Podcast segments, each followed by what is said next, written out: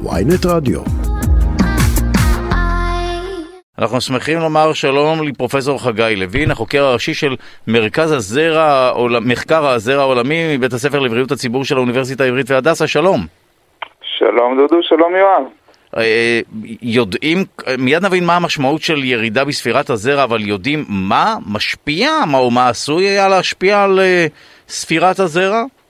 אז במחקר לא בדקנו את הסיבות לירידה, אבל במחקרים אה, שלנו ושל אחרים מצאנו בעבר גורמים שקשורים בספירות זרע נמוכות, ובעיקר מדובר על חשיפות בתקופה העוברית, העובר המתפתח הזכר הוא מאוד מאוד רגיש להשפעות סביבתיות ומספיק שיבוש קל, למשל על ידי חשיפה לכימיקלים שיש לנו כמו תוספי פלסטיק, אה, היא פוגעת בהתפתחות מערכת המין הזכרית ויכולה להתבטא בחיים הבוגרים או בירידה בספירות הזרע, או בסרטן אשכים, או בבעיות אחרות, וזו תופעה שאנחנו מכירים.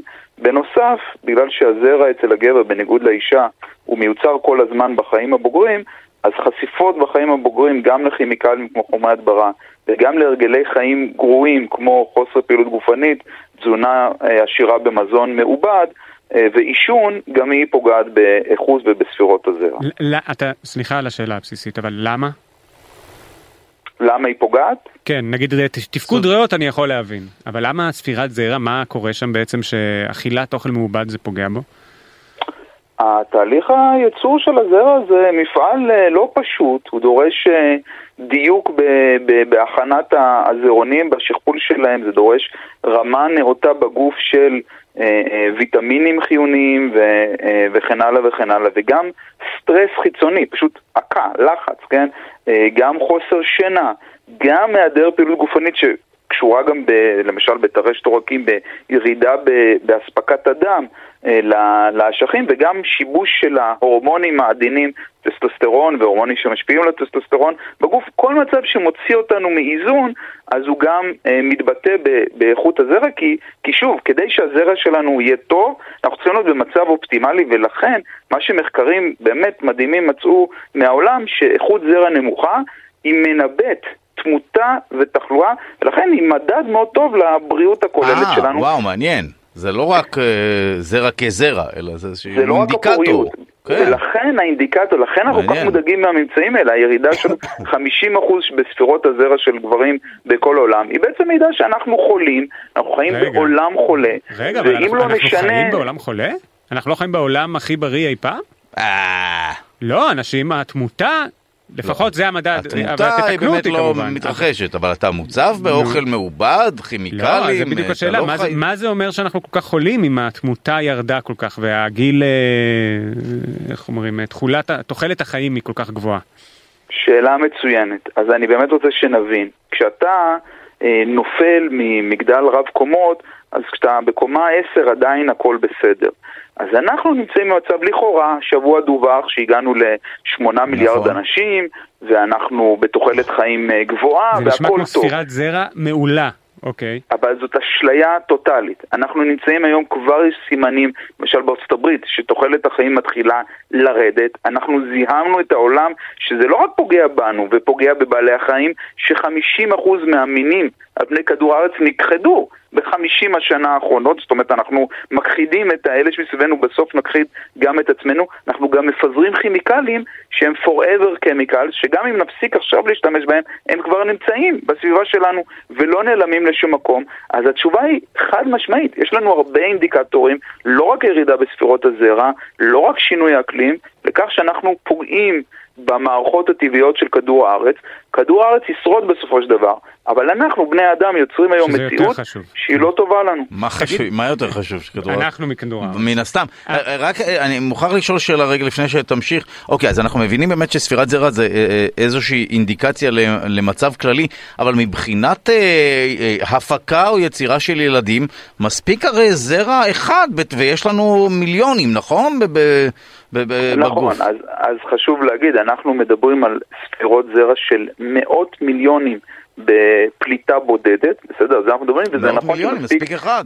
מספיק אחד, לכן גם, מתי נראה את הירידה במספר הילדים בפועל, רק בשלב מאוד מאוד מאוד מאוחר וקיצוני. אה, אין על זה השפעה כרגע בגדול? לא דרמטית. אבל, אבל אני רוצה להגיד, הבעיה כבר כאן עכשיו, כי אנחנו רואים היום, ואני לא צריך לספר לכם, אני בטוח שכולכם מכירים חברים, גם אם לא מדברים על זה, כבר היום אחוז משמעותי מהישראלים ואחוז משמעותי מהגברים בעולם סובלים מתת פוריות, כלומר, כשהם רוצים להיכנס או להכניס נכון. להיריון, לוקח להם יותר זמן, יותר קשה להם, אחוז מאוד משמעותי נזקקים להפריה מלאכותית, שתחשבו, זה דבר לא נורמלי, ולפעמים כן? ולפעמים זה הצד של הגבר, לא רק האישה. לא רק שלפעמים, למעשה בחלק משמעותי מהמקרים, אנחנו מדברים על סדר גודל ששליש מהמקרים זה בעיה אצל הגבר, בבקשה. שליש אצל האישה ושליש לא ידוע או משולבת, אבל אנחנו נוטים להזניח את הגברים. קודם כל גברים צעירים מזניחים באופן כללי את הבריאות שלהם, ועל הפוריות שלהם הם בכלל לא חושבים, ואני מקווה שאחד הדברים שיצאו מהמחקר הזה שקצת גברים גם מי ששומע אותנו וגם בעולם כולו, יתחילו להתעניין בבריאות שלהם אה. ובפוריות שלהם, כי חלק מהדברים אפשר להפוך, אם נתחיל לשים לב. רגע, להתעניין בפוריות זה להתעניין בבריאות? כלומר לאכול כן, נכון ולהתרחק מפלסטיק, או שיש איזה משהו ספציפי? קודם כל אני חושב שזה יכול להיות driver לקדם את הבריאות שלנו. אותו גבר בן 25 שנניח מתחתן ומתחיל לחשוב על אה, להביא ילדים לעולם, אז אולי הוא יוכל להתחיל להפסיק לעשן, לא להשתכר, אה, אה, לא להיות רק קאוץ' פוטטו, אלא להתחיל לעסוק בפעילות גופנית. סליחה, פרופסור חגי לוין, פה אתה בניגוד עניינים בין תפקידך כחוקר זרע לבין תפקידך כרופא בריאות הציבור. בדיוק, בדיוק, כי אני מוטה אוקיי. לטובת קידום אוקיי, הבריאות. לא, האמת שזה מניפסט חשוב, כן. אבל מלכתחילה אני חוקר את הדבר הזה בדיוק בגלל העניין שמקל עלינו, שאותם גורמים שפוגעים בבריאות פוגעים גם בזרע. עכשיו, מה עכשיו על הפרק למשל בישראל? קודם כל, אנחנו לא אישרנו את אמנת הפיקוח על הכימיקלים, אמנת סטוקהולם, שעשרות רבות של מדינות אישרו אותם, ואנחנו לא עשינו את זה בישראל, לכן אנחנו חשופים לחומר כמו PFAS, PFAS, שהוא פוגע בנו, ומצד שני, אמרתי, תוצרי הפלסטיק האלה שנמצאים למשל בכלים חד פעמיים, או המשקאות המתוקים, שגם הם נמצאו קשורים לירידה וואו. בספירות הזרע, אז אפילו צעדים חיוביים שנעשו, כמו להטיל עליהם מס כדי לצמצם את הצריכה, עכשיו מדברים גם על לבטל אותם. אז הגיע הזמן שנדאג, כן, גם לבריאות הציבור וגם לזרע, זה ממש לא ניגוד עניינים, ושאלתם מקודם על כדור הארץ לעומת אה, אה, הכדורים שלנו, כן, האשכים של בני אדם, בעיניי זה אותו דבר, אנחנו כדור הארץ זקוק שאנחנו לא נפגע בו, ואנחנו זקוקים לכדור הארץ עם מערכת אה, אקולוגית מתפקדת. רק עשינו טעות, היינו צריכים לשאול אותך על ההתחלה רגע, על הממצאים עצמם של המחקר. האם מה שנמצא, ומיד אולי תסביר לי מה בדיוק בדקתם, בקצרה אם אפשר, כי אנחנו כן צריכים לסיים, אבל האם נמצא שספירת הזרע הממוצעת ירדה? כלומר, בדקתם אנשים ואצל כולם ירדה ספירת הזרע, או שיש אנשים מסוימים שפשוט ספירת הזרע שלהם ירדה בטירוף? בדקנו את הממוצע, הממוצע של גברים בכל העולם ירד מסדר גודל של 100 מיליון למיליליטר בשנת 1973 לסדר גודל של 50 מיליון למיליליטר בשנת 2018. אגב, וגם ירידה... המיליליטר ירד, לא? המיליליטר דווקא לא ירד, הכמות הנפח היא לא ירדה. אז גם המדד השני שלנו, של ספירת הזרע הכוללת, הוא גם ירד בצורה דומה, אפילו למעשה ביותר, ב-60%.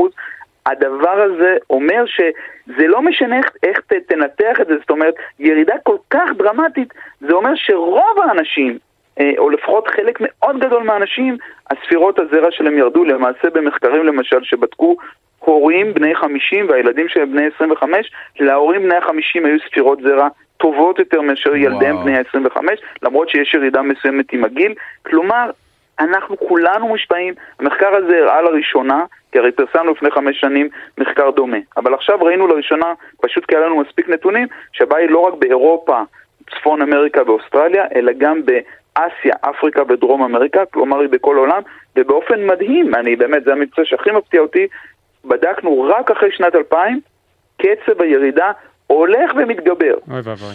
אלכוהול, לא עישון, אוכל מעובד, חוסר פעילות גופנית, נכון? עד לפה אני עושה את הכל. כל מה שהורס את כן, אוקיי, הצעירים, וואו. טוב. טוב אה, מניפסט חשוב, תודה רבה לך פרופסור חגי לוין, החוקר הראשי של מחקר הזרע העולמי מבית הספר לבריאות הציבור של האוניברסיטה העברית והדסה, תודה רבה. תודה רבה, שנהיה בריאים וגם פוריים.